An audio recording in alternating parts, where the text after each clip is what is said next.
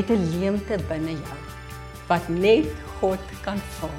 Party mense dink dat drank of dwelms of seks of bekendheid of baie goed of geld hierdie leemte kan vul, jou heel kan laat voel.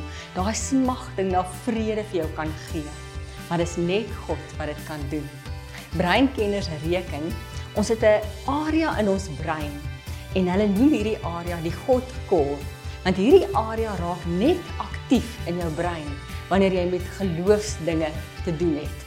Met ander woorde, ek dink God het ons geskep met hierdie verlange na hom, met hierdie soeke na hom en net hy kan ons heel laat voel, kan vir jou ware vrede gee.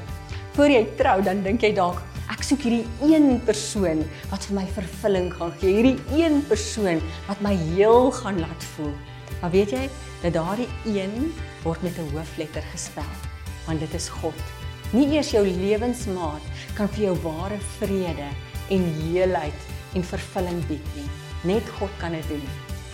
Nie eers geld of goed kan dit doen nie. Ek dink altyd aan die gedeelte in die Bybel wat vertel toe Jesus vir Petrus geroep het om sy disipel te word. Petrus was 'n visserman en hy het pas aangekom op die oewer van die see van Galilea en Jesus het daar aangekom en sy nette was leeg, hy het niks gevang nie.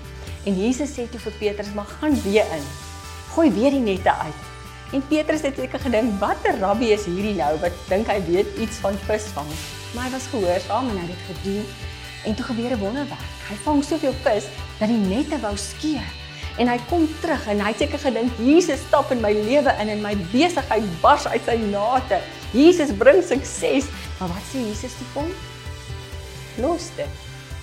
Volg my. Daar's meer aan die lewe as net sukses en 'n gesonde besigheid en en geld en goed. Al wat ware vervulling bring is God. Ja, uh so baie keer dan dan dink mense daar's 'n ander goed. Jy party mense dink ek vind dit in myself. Ek moet net na binne toe draai, dan gaan ek hierdie vervulling kry. Ons leef mos in 'n samelewing van me, myself en I. Ek hoor nou die dag die skokkende ding. Iemand sê vir my, die nuwe drie-eenheid is nou nie meer God die Vader en God die Seun en die Heilige Gees nie. Die nuwe drie-eenheid is nou me, myself en I. Want vir almal gaan dit net oor my behoeftes en wat kan hierdie verhouding vir my beteken en wat kan die kerk vir my doen en wat kan die regering vir my doen en alles gaan net oor eie belang. Maar al het eerste wêreldse mense al hierdie dinge en en word dit by hulle toegevoeg al hoe meer en meer lees ons dat eerste wêreldse mense al hoe meer ongelukkig raak.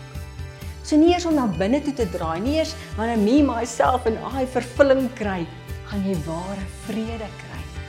Jesus sê dat sy vrede is anders as wêreldse vrede.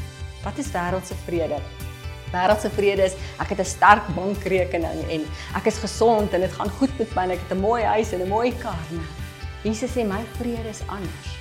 Dit gaan verstand te bowe. Jou lewe kan uitmekaar uitval. Dit kan chaos wees in jou lewe. Jy kan pyn beleef in jou lewe, maar jy kan nog steeds sy vrede hê. Daarom is sy vrede anders as wêreldse vrede. En dit vind jy net by sy voete. Dis alwaar jy dit kry. Dalk is daar 'n stuk onvergewensgesindheid in jou hart. Dalk is daar 'n stuk sonde in jou lewe en bou dit 'n muur tussen jou en God. Dawid sê dit so mooi in Psalm 51. Bely hy en erken hy dat hy oorspel gepleeg het met Batsheba en sê hy: "Here, dit het my vreugde weggeneem. Dit het my vrede weggeneem. Ek soek weer vreugde. Gee my 'n rein hart. Vergewe my, God."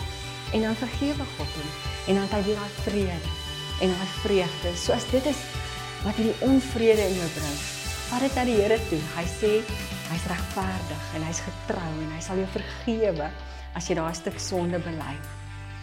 Psalm 131 is die mooiste beeld van vrede.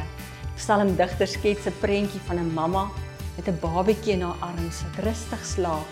En dan dan sê die psalmdigter daai tipe vrede kan net God vir jou gee. Ag ek bid vir jou in jou lewe dat die Here vir jou hierdie vrede gee. Vrede wat verstand te bowe.